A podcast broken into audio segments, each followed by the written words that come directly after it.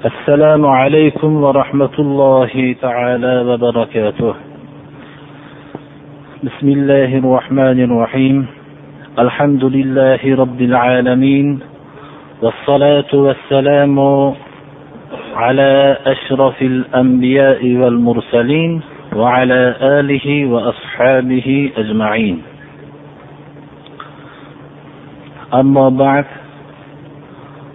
محترم jamoatul muslimin biz oldingi ramazoni sharifning juma kunida shunda bir jinday va'da qilgan bo'ldikki alloh subhanahu va taolo ana shu janobi rasululloh sollallohu alayhi vasallam davridagi arob xalqlarini qur'on nozil qilishlik bilan hamma fazilatlarda ustun qildi.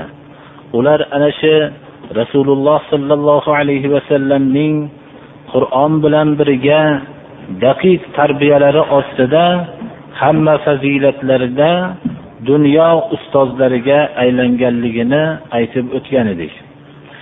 Shuning uchun shu juma haftalarida bu o'zimizga shu qur'oni karimni ana shu tarbiyalari vositasida shu manzilga erishgan sahobalarga ergashmoqligimiz uchun tobeinlarga tabaa tobeinlarga ergashmoqlik uchun biz shu qur'on nima ekanligi haqida bunday qisqacha bo'lsa ham bir ma'lumotga ega bo'lishligimiz kerak. Shuni ham aytgandiki qur'onni o'qiyotgan kishilar uning mazmunlaridan ba'zilarimiz xabardor bo'lsa ba'zilarimiz xabarsiz. Shuning uchun bir qisqacha suratda bo'lsa ham umumiy xalqlarning mafkurasiga to'g'ri keladigan suratda bir tafsir qilmoqchi bo'ldik. Tafsirni avvaldan boshlasak degan bir fikr bizda paydo bo'lgan edi. Keyinchalik shu ko'pchilik bizga ham talab qilishdilarki ko'pchilik shu qur'on suralarining maydalarini bilishadi. Oxiridagi amma poralarini ko'pchilikka yod. Shuning uchun shu mayda suralarni avval talqin qilinsa muvofiqroq bo'lardi. Deyishganliklariga muvofiq biz ham o'zimizga shu narsani ma'qul topdikda oxirgi suralardan boshlasak yaxshi bo'ladi deb nima qiluvdik hammalariga ma'qul bo'ldi boshqalarga ham ma'qul bo'lsa kerak shu ho'p sura fotihani bir ozgina tafsir qilgandik endi bu peshin namozlarida shuning uchun keyin yana bir fursatga qarab uni tafsir qilamiz inshaalloh أعوذ بالله من الشيطان الرجيم بسم الله الرحمن الرحيم قل أعوذ برب الفلق من شر ما خلق ومن شر غاسق إذا وقب ومن شر النفاثات في العقد ومن شر حاسد إذا حسد صدق الله العظيم bu oxirgi suradan boshlamasdan ikki suraning avvalgisidan tushishligimiz surai bu falaq surasi ikkinchi sura suratun nos deb aytilinadi Ikkala sura bir vaqtda nozil bo'lganligi uchun avval undan boshlayapmiz surai falaq surasi janobi rasululloh sollallohu alayhi vasallam makka mukarramada turganlarida nozil bo'ldi. Shuning uchun makkiy suralardan deb aytilinadi ho'p oyatlari vallohu alam besh oyat. Bu surai falaq surasi insonlarni alloh subhanahu va taolo yer yuziga yaratganda ularning hayotlarida har xil tashvishlar bo'lishligini o'zi bilib ana shu tashvishlardan o'zlarining imkoniyatlarini ishlatib saqlanishganlaridan keyin qanday suratda allohga iltijo qilishliklarini ta'lim beradi. Shu ta'limlarning mana shu janobi rasululloh sollallohu alayhi vasallamga bevosita buyruq qilib alloh taolo shu buyruq qiladi. U kishidan keyingi mo'minlarga janobi rasululloh sollallohu alayhi vasallam falaq. Subh tarbiyat kunandasi bilan saqlaning ya'ni subh tarbiyat kunandasidan madad so'rab saqlaning. Subh kalimasining bu yerda kelishligi qorong'u zulmatdan subh paydo bo'lishligi bilan bandaning qalbiga jindek turgan tashvish yo'qola boshlaydi. Shuning uchun falaq kalimasini bu yerda ya'ni alloh taolo hamma olamdagi narsalarning tarbiyat kunandasi va bu yerda falaq kalimasining zikr qilinishligi haligi zulmatdan subh yorug'likka chiqayotgan soat odamning tashvishdan bir zulmot tashvishidan chiqayotganligini bildirib turilibdi.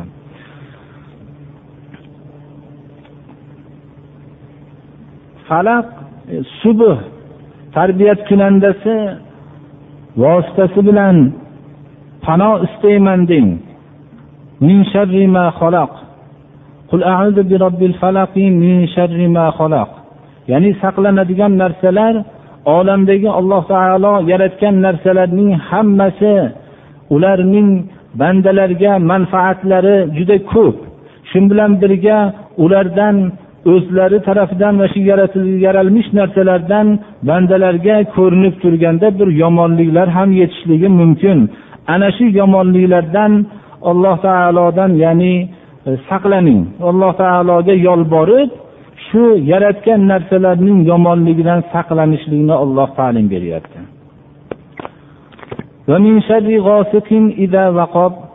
Kecha zulmatlik bo'lgan vaqtdagi ana shu kechadan pano isting.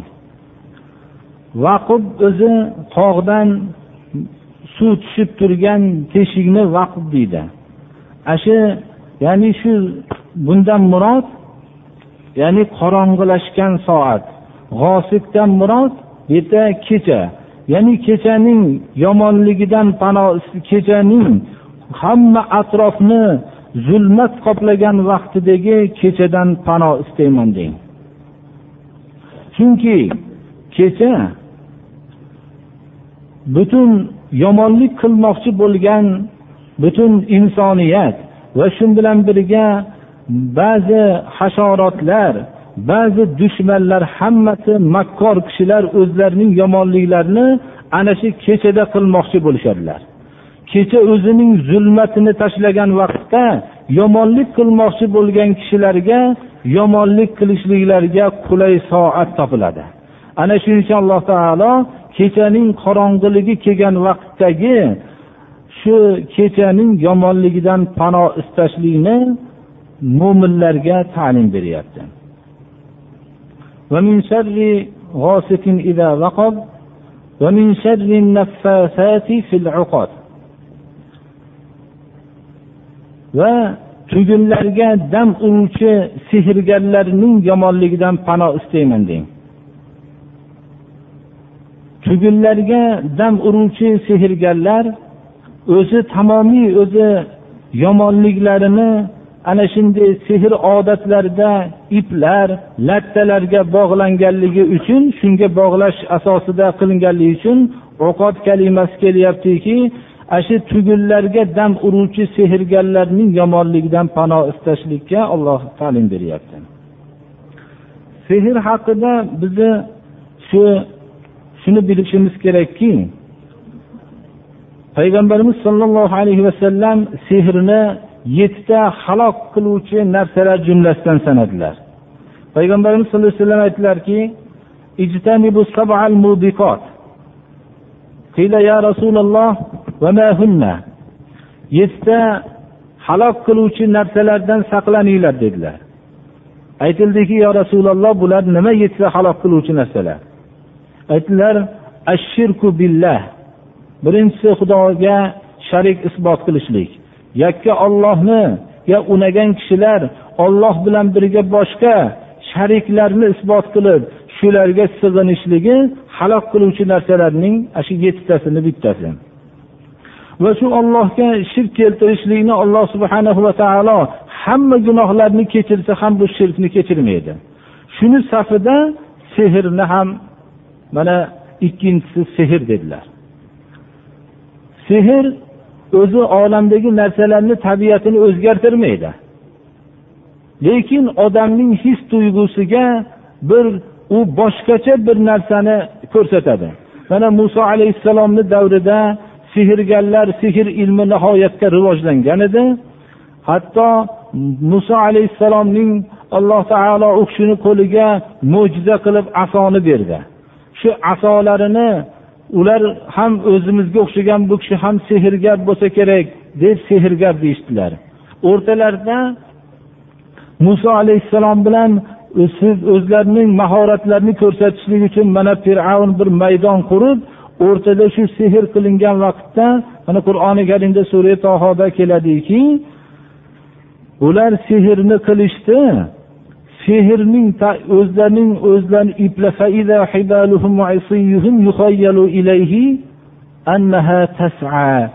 ularning arqon va aso kaltakchalarini tashlashganlarida maydonga muso alayhissalomga bu xuddi bir ilon bo'lib chopayotgan holatni bildirdi.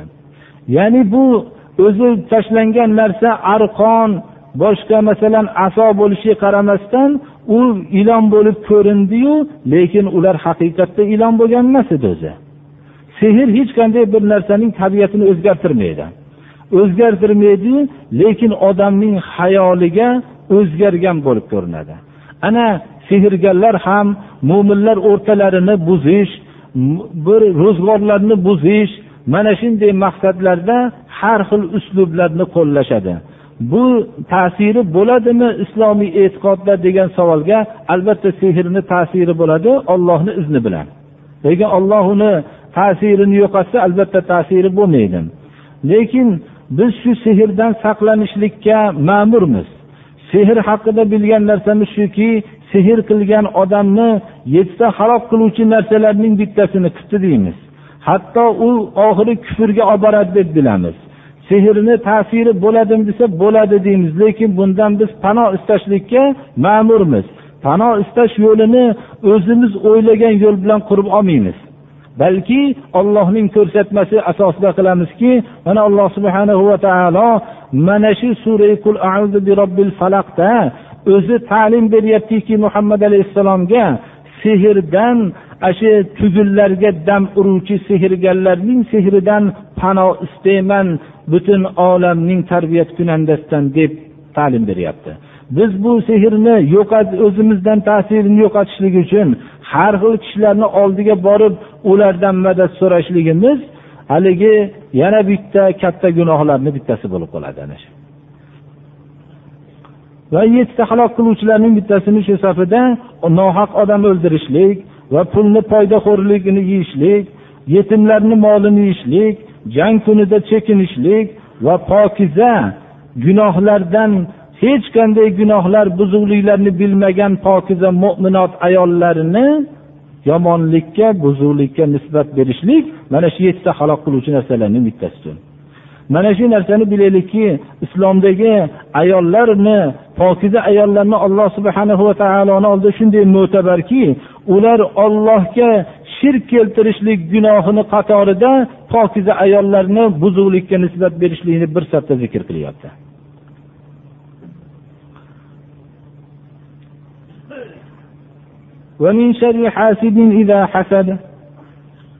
Va hasad qiluvchining hasadidan saqlanishlikka alloh taolo ta'lim beryapti. Hasad bu alloh taolo biror bandaga bir ne'mat bergan bo'lsa shu ne'mat muqobalasida ruhiy bir ta'sirlanishki nimaga shunga bir ne'mat shu bo'ladi? Deb shuning yo'q bo'lishligini orzu qilishlikni hasad deymiz.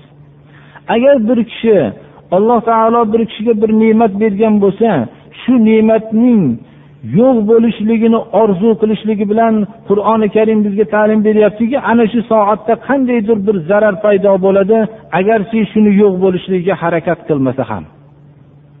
Ana shu ruhiy bir holatda bir ta'sir bo'ladi.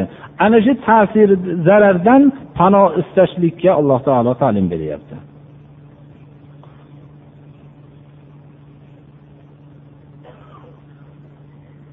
Suraning nozil bo'lishligidan har xil rivoyatlar bor ba'zilari sahih. Bu rivoyatlar shuni ko'rsatadiki madinadagi labid asam degan bir yahudiy payg'ambarimiz sallallohu alayhi vasallamni sehr qildi. Sehr qilgan vaqtida shu sahiy bo'lgan rivoyatlar shuni ko'rsatadiki bu kishiga diniy ishlarda emas ba'zi dunyoviy ishlarda qilgan ishlarni qilmadim degan xayol paydo bo'lib qoldi qilmagan ishlarni qildim degan xayolotlar paydo bo'lib qoldi. Ana shunda shu surai qul auzu bi robbil falaq va qul auzu bi robbin nas ruqya bo'lib tushgan degan rivoyatlar bor. Ba'zilari sahih deb aytyapmiz. Lekin ulamolarimizni ko'plari bu hadislarni sahih kelgan hadislarni ikkiga bo'lishadilar. Agar mutavotir hadislar bo'lsa ya'ni nihoyat darajada kuchli hadislarni e'tiqodot masalalarida olinadi. Xabari vohid bo'lsa ularni e'tiqodot masalalarida olinmaydi balki amaliyot masalalarida olinaveradi shuni. Shuning uchun mana shu payg'ambarimiz sallallohu alayhi vasallamga sehrni ta'sir qildi degan hadislar xabari vohid deydilar. Bu sehrni ta'sir qilish qilmasligi e'tiqodiy masala bo'lganligi uchun payg'ambarimiz sallallohu alayhi vasallamga bu sehr ta'sir qilgan emas bu deb ko'pchilik shunday ulamolarimiz shunday deydi. Ya'ni u kishini payg'ambarlar da'vatda albatta ularga hech qanday bandalarning zararlari ta'sir qilmaydi.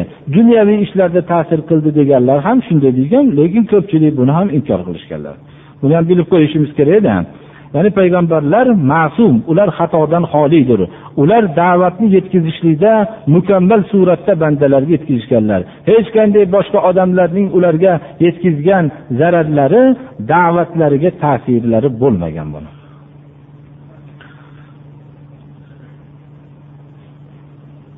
Uqbat omir roziyallohu anhudan rasululloh sollallohu alayhi vasallam mana shu surai muavvizatayn ya'ni ikkovi sura tushgan vaqtida aytdilarki ألم ترى آيات أنزلت هذه الليلة لم ير مثلهن قط قل أعوذ برب الفلق وقل أعوذ برب الناس uqbat ibn omir dedilar mana shu kechada menga shunday oyatlar tushganligini bilmadingizmi dedilar shunday oyatlar menga nozil qilindiki unga o'xshagan oyatlar hargiz ko'rilgan emas dedilar Shunda savol qilganlarida javob bergan ekanlarki bu menga nozil bo'lgan bu ulug' suralar shu qul azu bi robbil falaq va qul azu bi robbin nas suralar dedilar. Jobir ibn abdulloh roziyallohu anhudan rivoyat qilinadiki rasululloh sollallohu alayhi vasallam aytdilarki o'qing qiroat qiling yo jobir dedilar. Shunda men aytdimki ota onam fido bo'lsin yo rasululloh qayerdan men tilovat qilay? dedilar. O'qing dedilar. Bilan o'qing dedilar mana. Men o'qidim. Shunda aytdilarki o'qib bo'lganimdan keyin bu ikkovi surani o'qing dedilar. Bunga o'xshagan surani hech o'qiyolmaysiz dedilar mana shu. Bu nasoiy rivoyatlarda ekan bu. ikkinchi sura qul auzu bi robbin nas surasi payg'ambarimiz sollallohu alayhi vasallamga bu sura olti oyat vallohu alam makkada turganlarida nozil bo'ldi قل أعوذ برب الناس ملك الناس إله الناس من شر الوسواس الخناس الذي يوسوس في صدور الناس من الجنة والناس alloh taolo olamdagi hamma narsaning tarbiyat kunandasi bo'lsa ham bu yerda odamlarning panoh istashlikka ta'lim berayotganligi uchun o'zini bandalarga yaqin qilib odamlarning tarbiyat kunandasi bilan saqlaning deb buyruq qilyapti. Ya'ni odamlarning tarbiyat kunandasi odamlarning hojasi odamlarning ma'budidan siz shu yordami bilan saqlaning. Nimadan? Min sharril vasvasil xonnas ya'ni vasvasa qiluvchi va hamda odamlardan chekinib bekinib turuvchining vasvasadasidan odamlarning tarbiyat kunandasi va hojasi va ma'budini yordami bilan saqlaning deb ta'lim beryapti. Bu yerda alloh subhanahu va taolo tamomiy olamning hojati tamomiy olamning ma'budi tamomiy mavjudotning ma'budi. Lekin bu yerda hali aytib o'tganimizdek insonlarning ma'budi deyishligimiz bu yerda faqat odamlarning o'ziga yaqin qilib gapirayotganligi ma'lum bo'lyapti. Mana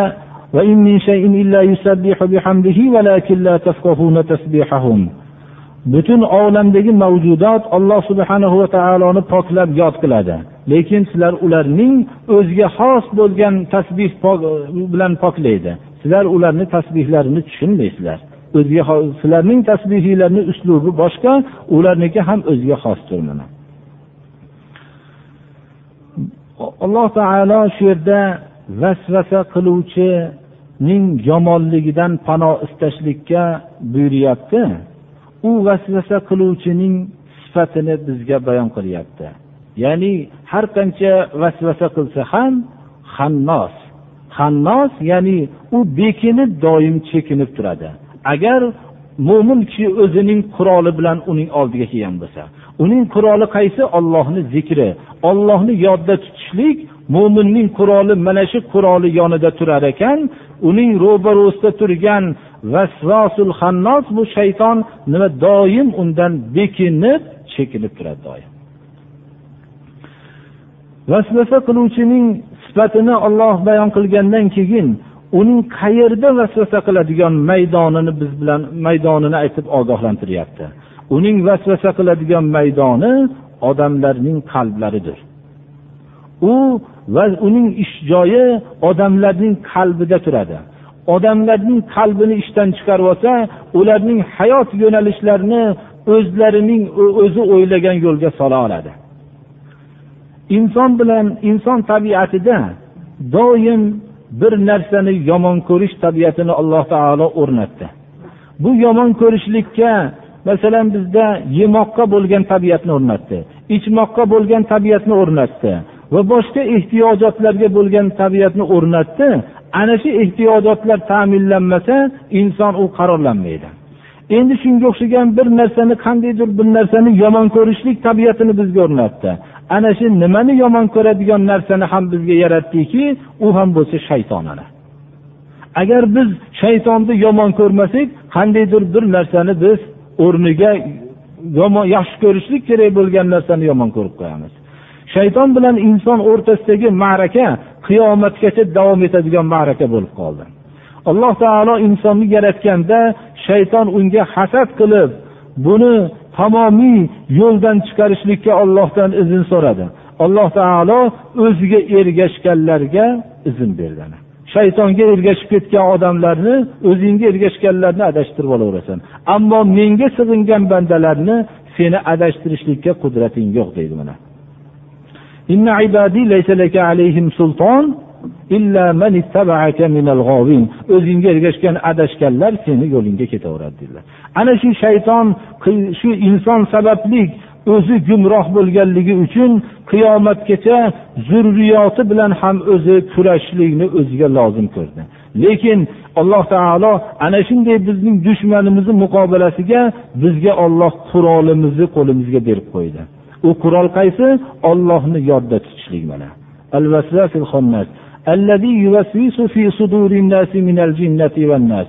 ularning shaytonning vasvasa qiladigan maydonini bizga ko'rsatib qo'ydi maydoni odamlarning qalblari mana payg'ambarimiz sallallohu alayhi vasallam bir hadislari bor الشيطان جاثم على قلب ابن آدم فإذا ذكر الله تعالى خنس وإذا غفل وسوس shayton doim o'zining cho'kkalab insonning ko'kragiga cho'kkasini qo'yib turadi doim. Agar ollohni yodlasa u chekinadi.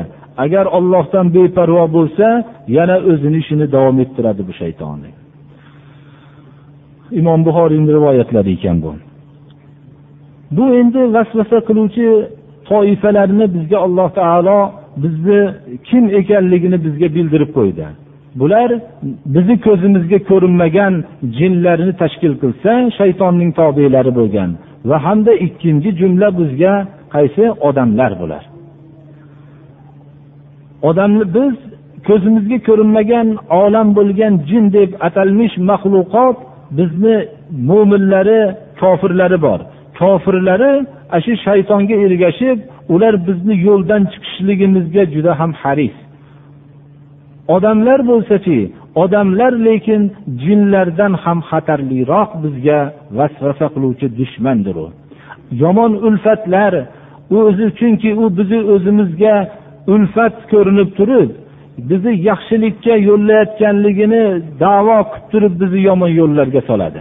Mana ular bizni ana shu vasvasa qiluvchi shaytondir. Ular o'zlarining amallarini oshkor e'lon qilolmaydi. Chunki oshkor e'lon qiladigan bo'lsa ularning ayblari o'zi ochilib qoladi. Mana dunyoda har bir kishi hech qanday narsani yomon qilayotgan narsasini yomon demaydi.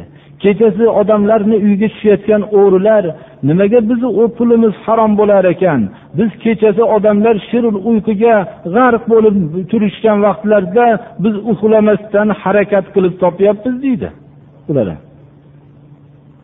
Agar odamlarning yaxshilik yomonlikni o'zlarining o'lchovlari tarozi o'lchovlariga qo'yib qo'yadigan bo'lsa hech dunyoda yomonlik qilayotgan odam qolmaydi.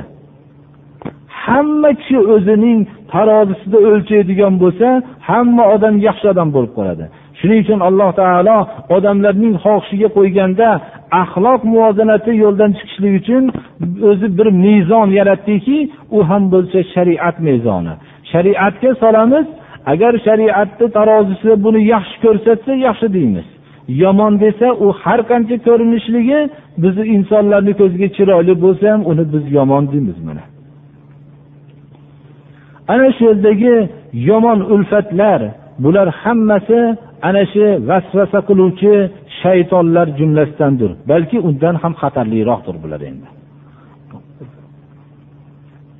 Shuning uchun alloh taolo ularning jinlardan va insonlardan bo'lishligini bizga bayon qilyaptiki bizni dushmanlarimizni kim ekanligini bayon qilib hayotda to oxiratgacha borguncha shayton bizni hech qachon qo'yib yubormasligini bizga ogohlantirib qo'yyapti.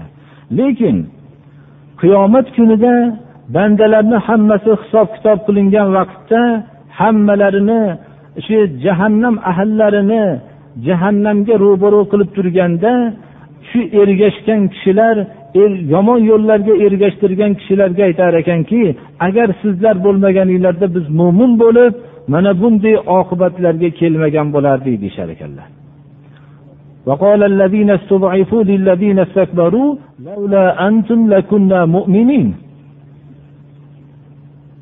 shunda u ergashtirgan kishilar aytar ekanki biz sizlarni hech qanday yomon yo'lga solganimiz yo'q agar biz o'zimiz hidoyatda bo'lganimizda sizlarni ham hidoyatga solgan bo'lar ekanmizu biz faqat sizlarni shunga chaqirganmiz xolos.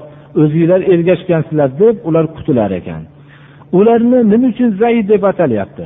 Zaid deb atalishligi shuki inson mana ko'p ergashtirgan kishilar biror martabaga o'rnatish yoinki biror moli davlatga berish yoinki boshqa bir aytgan maqsadini ijro qilib berishlik maqsadida ana shu o'zining shariat tarafidan aytilgan hukmidan voz kechib shuni gapiga kirib qolishlik o'zi haqiqiy zaiflikda o'zi. O'zi biladiki shu kishi o'zining haqiqiy bir fazilatidan mahrum bo'layotganligini shuning uchun alloh taolo bularni zaiflar deb atayapti. Ana shunda odamlar o'zini jahannam azobini ro'barasida turgandan keyin o'zini qutultirishlikka har xil yo'llarga oladi. Ana shunda shaytonga to'ngashlikka o'tadi mana dunyoda ko'p kishilar meni shayton adashtirdida bo'lmasam men o'zim bunday bo'lardim deydi. Oxiratda ham bu so'zni aytadi. Lekin shunda shaytonga so'z berilganda shayton o'zining ana shu nima dunyodagi qudrati bo'lganligini ochiq bayon qiladiki buni surai sabada vallohu alam mana shu bayon qilingan. استعيذ بالله وقال الشيطان لما قضي الامر ان الله وعدكم وعد الحق ووعدتكم shaytonga so'z berilgandan keyin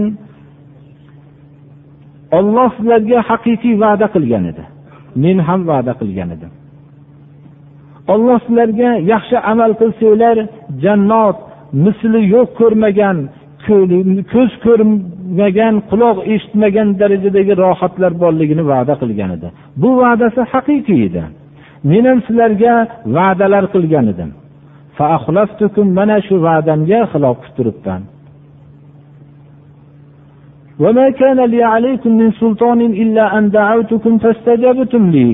sizlar o'zinglarning zalolatinglarni menga to'ngayapsizlar lekin men bilan sizlarni o'rtanglardagi muhokama bu o'rtadagi muomala men sizlarni noto'g'ri yo'lga chaqirdim sizlar labbe dedinglar boshqa ish o'tgani yo'q o'rtamizdan deydi. Bu yerda masalan men biror menda qudrat yo'q ediki sizlarni noto'g'ri yo'lga majbur qilib olib kirollashlikka bo'lgan qudratni olloh menga bermagan edi deydi.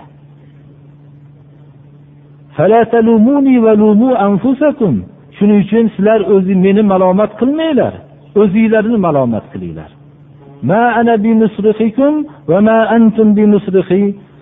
Men sizlarga qutqartiruvchi emasman sizlarni dodinglarga yetib sizlar meni dodimga yeta olmaysizlar. O'rtadagi masala shundan iborat deydi.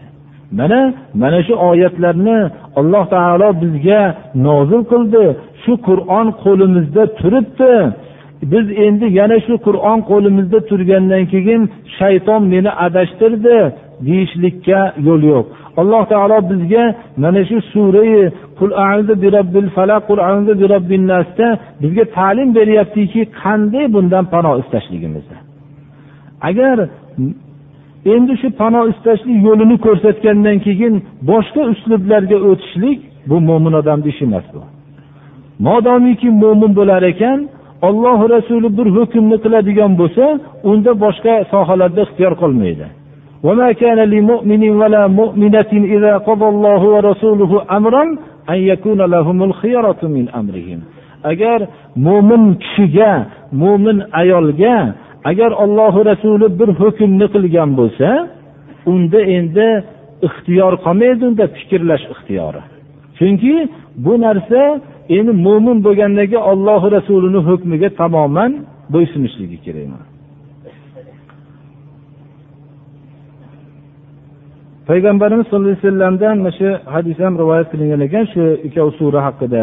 Imom buxoriy rivoyat qiladilarki oysha onamizni san'at oxirgi roviya oysha onamiz nabiy sallallohu alayhi vasallam o'zlarining o'rindiqlariga kechqurunda yotmoqchi bo'lib joylanganlarida ikkita qo'llarini jamlab shunga ya'ni dam urardilar puflab va shunda qul huvallohu ahad va qul auzu bi falaq va qul auzu bi nasni o'qir ekanlarda va shu ikki qo'llari bilan qodir bo'lgan jasadlariga silab shu keyin uch marta shu ishni qilib dam olar ekanlar chunki bu suralarda kechalarda zararlardan panoh istashlashlikka ma'mur bo'lgan duolar mana shular borki shuni har kuni qul degan ayting yo muhammad alayhissalom degan so'zga labbey deb doim pano istar ekanlar. Mana shu rasululloh sollallohu alayhi vasallamni yo'lini tutmoqchi bo'lgan odam o'zi pano istash yo'lini ana shu kishining yo'liga qilmoqligi kerak. U boshqa uslublardan har xil mana eshitamizki har taraflarga borishib qancha qancha pullarni sarf qilishib shunaqa joylarga borib pano istab keladigan kishilar ham iymon keltirgan kishilarni ichida yo'q emas mana masalan bu bizni alloh taolo yerga yaratgandan keyin hayotimizda bo'ladigan qiyinchiliklar tashvishlar hamma narsani bilgan. Ana shu narsalardan qanday saqlanish yo'llarini bizga ta'lim bergan. Qo'limizdan kelmaydigan joylarda qanday sig'inishligimizni bizga ta'lim bergan. Biz o'z holimizdagi kishilar emasmiz modomiki mo'min bo'lar ekanmiz ana.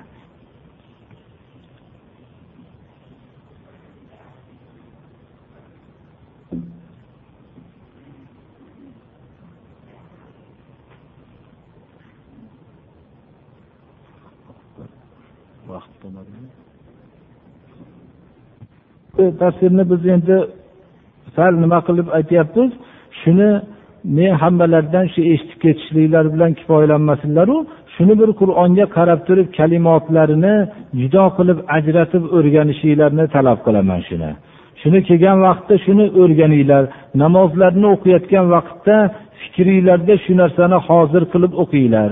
Mana surai nisoda alloh taolo aytadiki يا أيها الذين آمنوا لا تقربوا الصلاة وأنتم سكارى حتى تعلموا ما تقولون ey iymon keltirgan kishilar sizlar namozga mast holatda yaqinlashmanglar deyilgan ichimlik man qilinishning avvalgi oyatlari shuni tashkil qiladi hattoki sizlar namozda nima deyayotganliginglarni bilib turinglar deyiladi mana shu oyatni ko'p mufassirlar hujjat qilib aytishadilarki o'zi o'qiyotgan namozida nimani o'qiyotganligini bilib turishsinlar deyiladi. Bilmasalar go'yoki haligi mast holatda o'qiyotgan odam namozda nima deyayotganligini bilmagan qatoriga qo'shilib qoladi deganlar. Shuning uchun mana shu mayda suralardan bir qisqa shunaqa nima qilindiki ana shu mayda suralarni hammasini tilovat qilinayotganda namozlarda hammasini bilib turilishi kerak.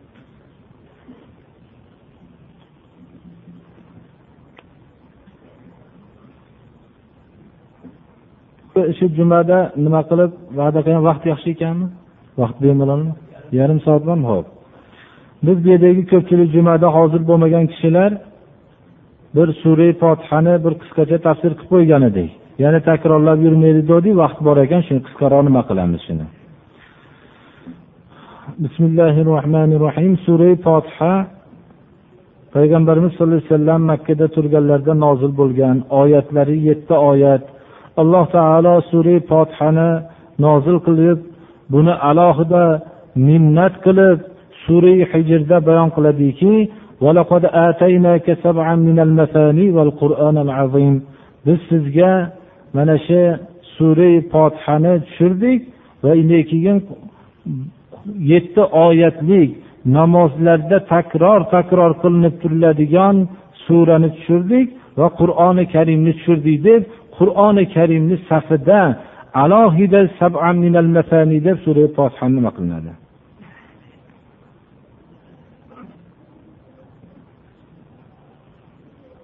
Aytamiz.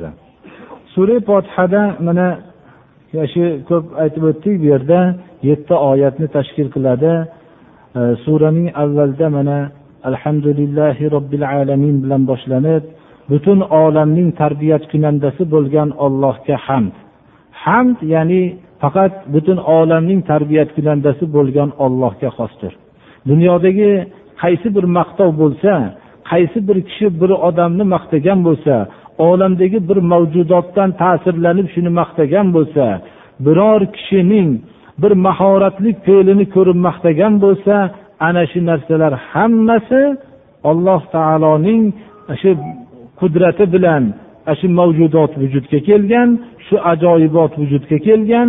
Insonlar insonlarga yaxshilik qilishligi ollohning qalbiga solishligi bilan boshqa mavjudotlardagi shu e, ko'rinayotgan ajoyib ishlar ham ollohni masalan qudrati bilan shunga imkoniyat berganligidan shuning uchun hamma maqtov ollohga xos bo'laveradi. Mo'min odamning tasavvurida faqat maqtov ollohga xos bo'lishi kerak.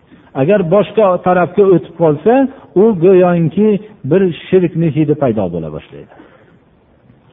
Ya'ni butun olamning tarbiyat kunandasi olloh mana tarbiyat kunandani nechilarga bo'lib iqlimlarga alohida bir tarbiyat kunandalar isbotlovchi kishilar alhamdulillahi robbil alaminni bir qaytarib o'qib olishlari kerak buni. Ya'ni robbil alamin butun olamning tarbiyat kunandasi. Yakka olloh bu rahmon sifatli rahim sifatli. Rahmon ya'ni dunyoyu oxiratda mo'minu kofir nima dunyoda mo'minu kofirlarning hammasiga rizq beruvchi. Rahim bo'lsa faqat mo'minlargagina o'zining rahmatini oxiratda xos qiluvchi zotdir mana. Rizq berishlikka alohida mo'min bo'lish shart emas ekan. Alloh taolo rizqini hamma mavjudotga om qilgan ekan. Lekin oxirat faqat u yerdagi rahmatini mo'minlargagina kitobat qilgan ekan. Ho'p bu yerda bir savolotlar bo'lib qolibdi. Endi nima qilsak? Hujjati keldi mana shundaymi? Unda so'ralyaptiki bu yerda nikoh bo'lib qolishligi ham mumkin janozalar ham bo'lib qolishligi mumkin. Shular qanday?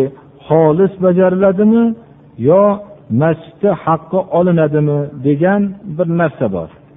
Buni ko'pchilik kutib so'rashyapti shuni bir javobi bo'lsa degan nimani qilishdilar javobi shuki bizni islom shu to'g'rida gapirishlikka mana bu so'z majbur qilib qo'yibdi shuning uchun hozir gapimizni to'xtatdik.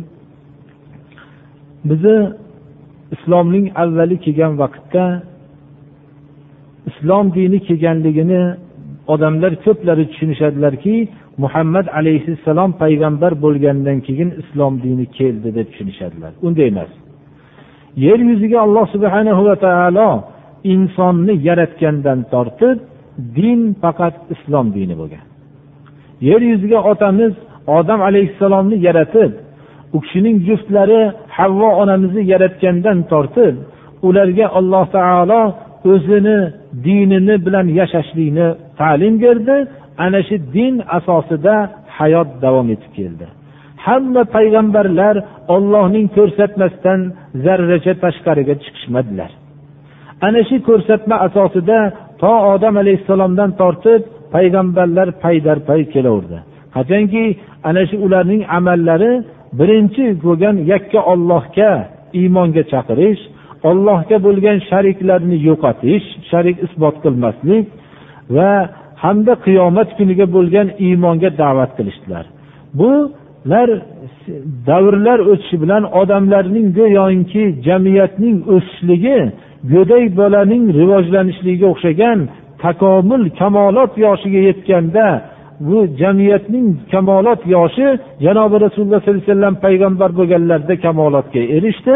Ana shunday komil dinni jo'natgan endi. U avvalgi dinlar islomdan tashqari deb tushunishlik xato bu. Ollohni huzurida islomdan boshqa din yo'q. Kim islomdan boshqa dinni qabul qilsa olloh uni qabul qilmaydi bu narsa. Ana shu payg'ambarlarni mana paydarpay ularning da'vatlari butun hayotlarini da'vatga bag'ishladilar. Zarracha da'vatdan tashqariga chiqishmadilar. Ular shu yo'llarini hammasini tekshirib ko'rilsa har bir payg'ambarning da'vati xususan sura shuaroda kelganda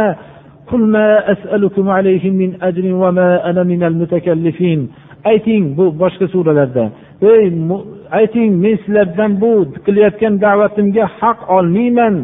Men sizlarni masalan sizlardan pulinglarni olishlik uchun bunaqa sizlardan martaba so'rayotganim yo'q degan narsani har bir payg'ambarning so'zidan qur'oni karimda topasiz. Chunki siz bir odamlarni bir yo'lga chaqirar ekansiz ulardan ma'lum bir miqdorda narsa talab qilar ekansiz. Odamlar hammasi aytishadiki ha bu bir pul ko'paytirishlik uchun shu ishga o'tibdi deydi. Ashobi ikromlarni davrida ham xususan mana payg'ambarimiz sollallohu alayhi vasallam bu kishi islom diniga da'vat qilganlarida odamlar bu kishini mohiyatlarini tushunmasdan islomdan boshqa yo'l hammasi martaba uchun o'zini odamlar o'rtasida katta odam sanashlik uchun yo moli davlatini ko'paytirishlik uchun bo'ladi. Islom unday emas. Muhammad alayhissalomni oldiga makka mushriklari kelishdilarda agar siz bir kelishaylik agar maqsadingiz moli davlat ko'paytirishlik bo'lsa hammamiz bir moli davlatlarni yig'ib beraylikda badavlat bo'lib yashang. Lekin o'tgan ota bobolarimizni yo'liga siz gap gapirmang. Bu hozir yo'lingizdan qayting dedilar. Yo'q agar ichimizda boshliq bo'lmoqchi bo'lsangiz biz biror so'zimizni sizni maslahatingizsiz qilmaylik bo'lmasam deyishdilar. Agar sizga insonchilik qarang shunday zotga shunday deyishdilarki birorta dard tegib turib shu so'zlarni aytayotgan bo'lsangiz biz o'zimizni ichimizdagi kuchli tabiblarni olib kelib davolaylik deyishdilar. Ana rasululloh sollallohu alayhi vasallamni hamma dunyoda ko'ldalang qilinadigan narsa ko'ldalang bo'ldi birodarlar. Mana bir odam bir haqni aytayotgan bo'lsa u haq aytayotgan qalb egasi tamomiy butun mavjudot uchun yaxshilikni iroda qilib tursayu u kishiga odamlar mushriklar kelishib mol ko'ldalang qilishdi. Peshvo bo'lishligini ko'ldalang qilishdi. Mabodo bir dard sababli shu so'zlarni aytayotgan bo'lsa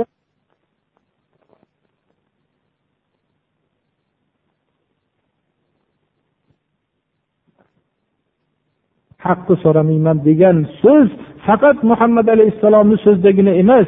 Tamomiy payg'ambarlarni so'zida bor bu. Lekin afsus biz qur'onning ana shu joylarini biz o'qimaymiz o'qisak uni bilmaymiz uni tabarruk maqsadidagina o'qiymiz mayli tabarruk maqsadida o'qiylik lekin asl bo'lgan maqsadni biz esdan chiqarmasligimiz kerak. Mana shu hatto sura yosin mana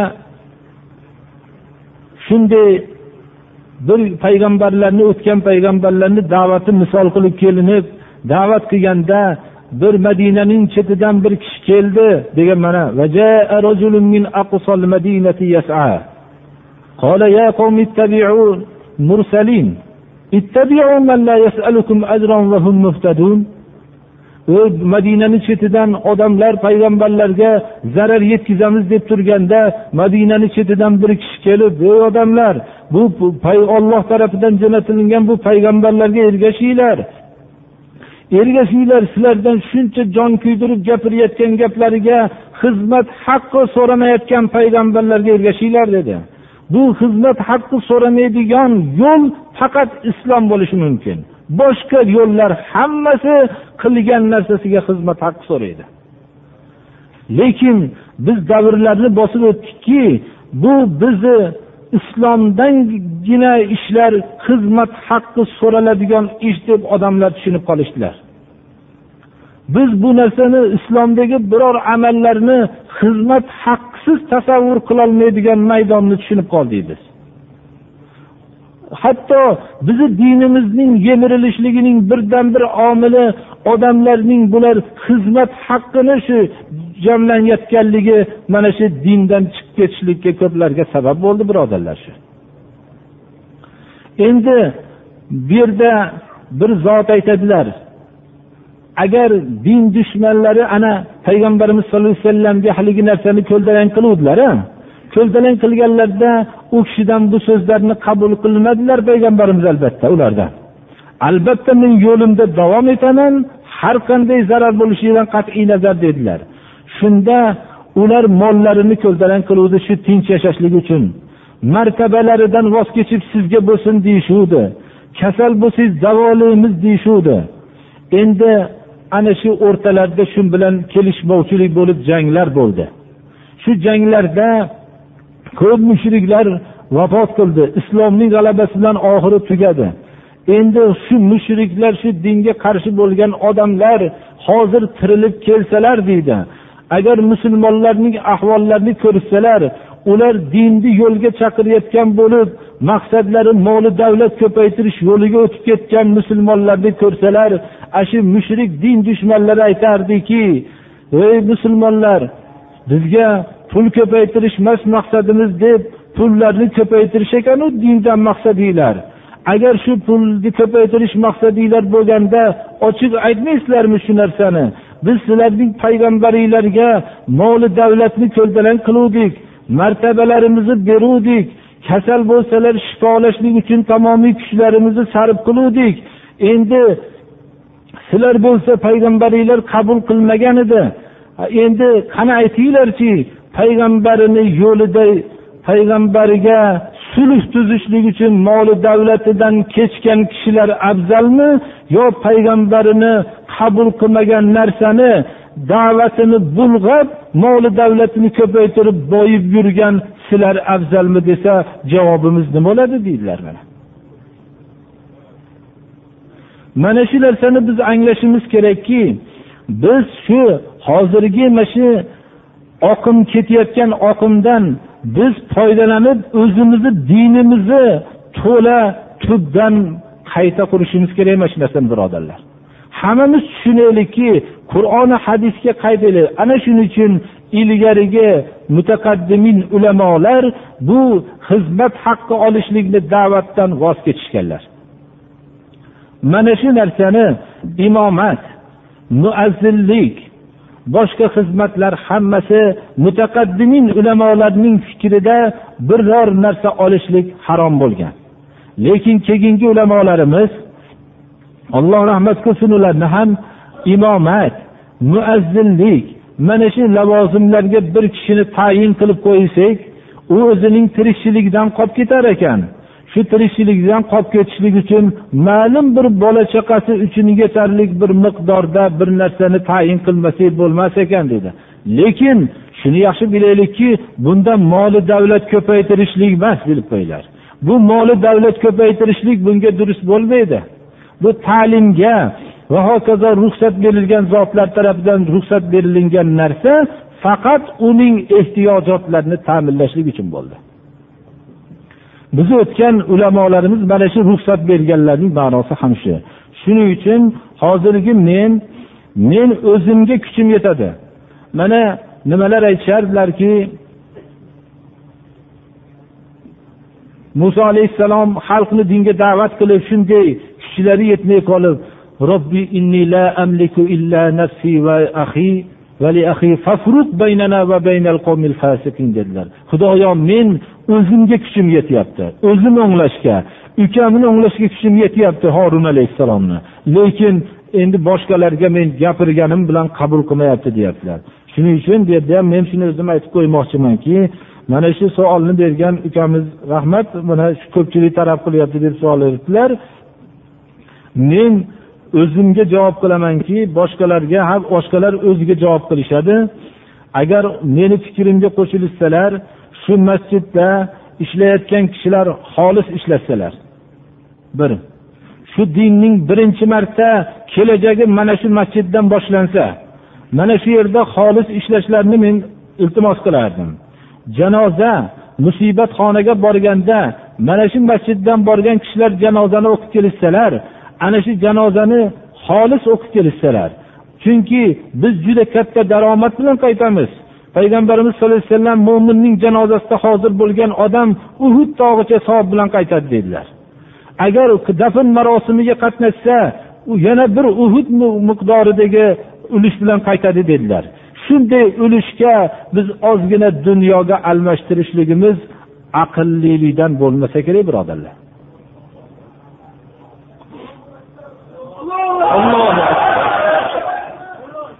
Endi nikoh to'g'risida. Bizga bu daromad yetadi. Nikohga bir ishtirok etsak mayli kim bo'lishidan qat'iy nazar. Shu nikohni qilinsa ana shu nikohdan bir katta daromad qilamiz biz. Bir ikkita mo'minning jufti bilan qo'shilishlikka turmush qurishligiga nikoh o'qib sabab bo'lamiz. Mana shu sabab bo'lganimizdan keyin bizga juda katta ajr bo'ladi bunday guvohlarga. Lekin men shuni iltimos qilamanki biz bu yerdagi mana shu sohadagi mana hozirgi vaqtda har xil fondlar tashkil topgan. Tinchlik fondi shafqat fondi degan. Men yana bu yigirma bir kishilar bilan maslahat qilamiz. Biz mana masjidimizga qarashli bo'lgan joylarda yetimlar bor kambag'allar bor biz shafqat fondini boshqa uslubda qilmasdan mana shu yerdagi o'zimiz tashkil topgan kishilar bilan shu o'rinda turgan kishilarga yordam qo'limizni masjid ahlidan cho'zib tursak menimcha yaxshi bo'lsa kerak shu. Biz shafqat qilinishlikka mana zakotlarni berishlikda ham o'zining dargohidagi kishilarga birinchi muhtojlar bo'la turib boshqa dargohlardagi kishilarga berishlik mumkin emas deyilgan. Demak shafqat qiladigan bo'lsak biz agar mana shu yerda daromad bo'lgan narsalardan o'zimizni endi biz hammani bilmaymiz muhtojlarni. Masjidga kelib turgan kishilar shuni e'lon qilsinki mana shu yerda men bir muhtoj kishini ko'rdim o'zim yordam qilay desam men qilolmayman.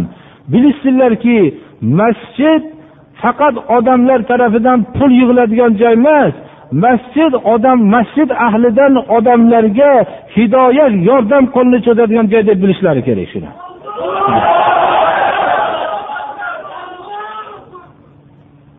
Men mana shu narsani umumiy fikr doirasida mo'minlarni fikriga shuni tushirishlikni xohlayman birodarlar. Agar yana qaytarib aytamiz biz endi buni bu yoqda o'zimizni tuzatishimiz kerak. Mana bir asta sekin ba'zi mazmunlarni nima qilamiz? Mana bu opa singillarimiz ham bu yerda qatnashayotgan bo'lsa bular esdan chiqib qolmasin bular ham shu narsalarni yaxshi tushunsinlar. Yordam qilinadigan joylarni bilishsinlar hammalari. Mana payg'ambarimiz sallallohu alayhi vasallamni oldiga sad nabiy vaqqos degan zot keldilar. Bu kishi mubashsharai bil jannah jannati ekanligini dunyoda janobi rasululloh sollallohu alayhi vasallam davrida o'n kishi eshitib ketdi. Bularning bittalari sad nabiy vaqqos edi. Bu kishiga biror kishiga payg'ambarimiz sallallohu alayhi vasallam ota onam pido bo'lsin deb aytmagan edilar. Ammo shu sad nabiy vaqqosga ota onam pido bo'lsin oting deb bir narsaga o'q otishlikka buyruq qilganlarda shunday degan ekanlar. Mana shu sad nabiy vaqqosning volidalari marhuma bo'lgan edi. Volidalarini chaqirdilar. Shu volidalar marhuma bo'lganda rasululloh sollallohu alayhi vasallamdan so'radilar. Ashobi ikromlar bir ish qilishliklaridan ilgari o'zlari xohlagan ishni qilib ketishmas ekanlar. Ular o'zlarini ixtiyorlik bir ishni qilishlikda deb o'ylamasmas ekanlar. Chunki biz olloh tarafidan jo'natilgan islomga iymon keltirdik. Islom shu haqdan nima deganikin degan narsani bilishsalar qilishar ekanlar shuni. Bilmasalar janob rasulullohning oldilariga kelib so'rashar ekanlar. Yo rasululloh onam vafot qildilar. Men nima qilsam onamga yaxshilik qilgan bo'laman dedilar. Shunda aytdilarki arabiston sahrolarida suv kam bo'lar ekan suv dedilar. U kishi bir quduqni kavlab ana shu quduqni atroflariga istirohat qiladigan joylarni qilib degan ekanlar. Bu sadni onasiga bo'lsin shu yerdagi savob degan ekanlar. Ana shu quduqdan suv ichiladimi? Insonmi? Hayvonotmi? Shu istirohat qilib o'tirgan o'rinda dam oladimi? Shuning savobi o'qdek onasiga borib turadi ana shu savobi. Biz islomda sadaqotlar borib turishligi biz doim bir xil shaklni qurmasligimiz kerak. Islom ko'rsatmalari bizni dovdiradigan holatda qo'yib qo'ygani yo'q. Hamma narsani bizga bayon qilgan. Agar bir odam qur'oni hadisda ko'p narsalar qolgan deb aytsa oldin o'zini kofirligini e'lon qilib turib keyin shu gapni aytsin deyiladi. Chunki alloh taolo qur'onda men hamma narsani mufassal bayon qilib tushirdim deyapti alloh taolo. Mana shu narsalarni shuning uchun islomni ba'zi nimalarda biz o'zimizni o'nglashlikni birinchi ahli ilmlar o'nglashimiz kerak. Keyingina xalq o'zini o'nglaydi mana. Bizni shu nimaga mabodo. Men shuni aytamanki masjidda yordam qilmoqchi bo'lgan kishi o'zi fisabililloh yordam qilsin bo'lmasam muhtojlar bor joyda muhtojlarga yordam qilsin. Hozirgi bizni mana shu oqimimizdagi musulmonlar o'zlarini to'g'irlab olishlari kerak emas sohada.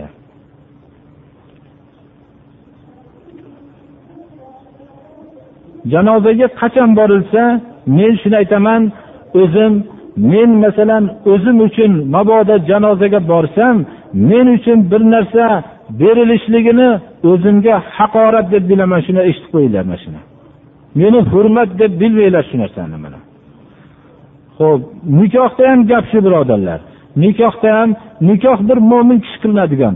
Agar biz shuni yo'lga qo'ysak masjidlar o'rtasida talashlar ham tugaydi. Bizga hech qanday bu men bu yerga masalan hammamiz ham vazifa deb bu yerda xizmat deb kelishimiz kerak shu narsani.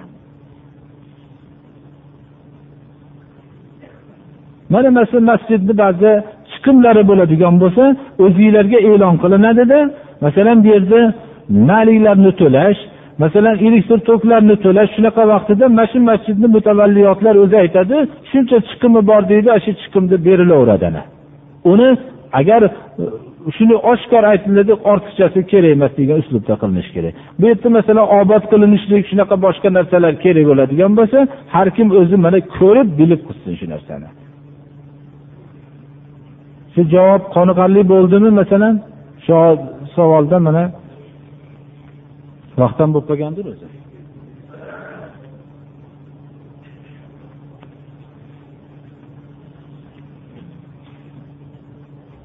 Mayli bundan biz yana boshqalar tushunib qolmasinki boshqa biz boshqalar bilan ishimiz yo'q. Biz o'zimizni o'nglaylik. Hamma odam o'zi haqida fikrlasin boshqalarni haqida fikrlamasin shu narsani.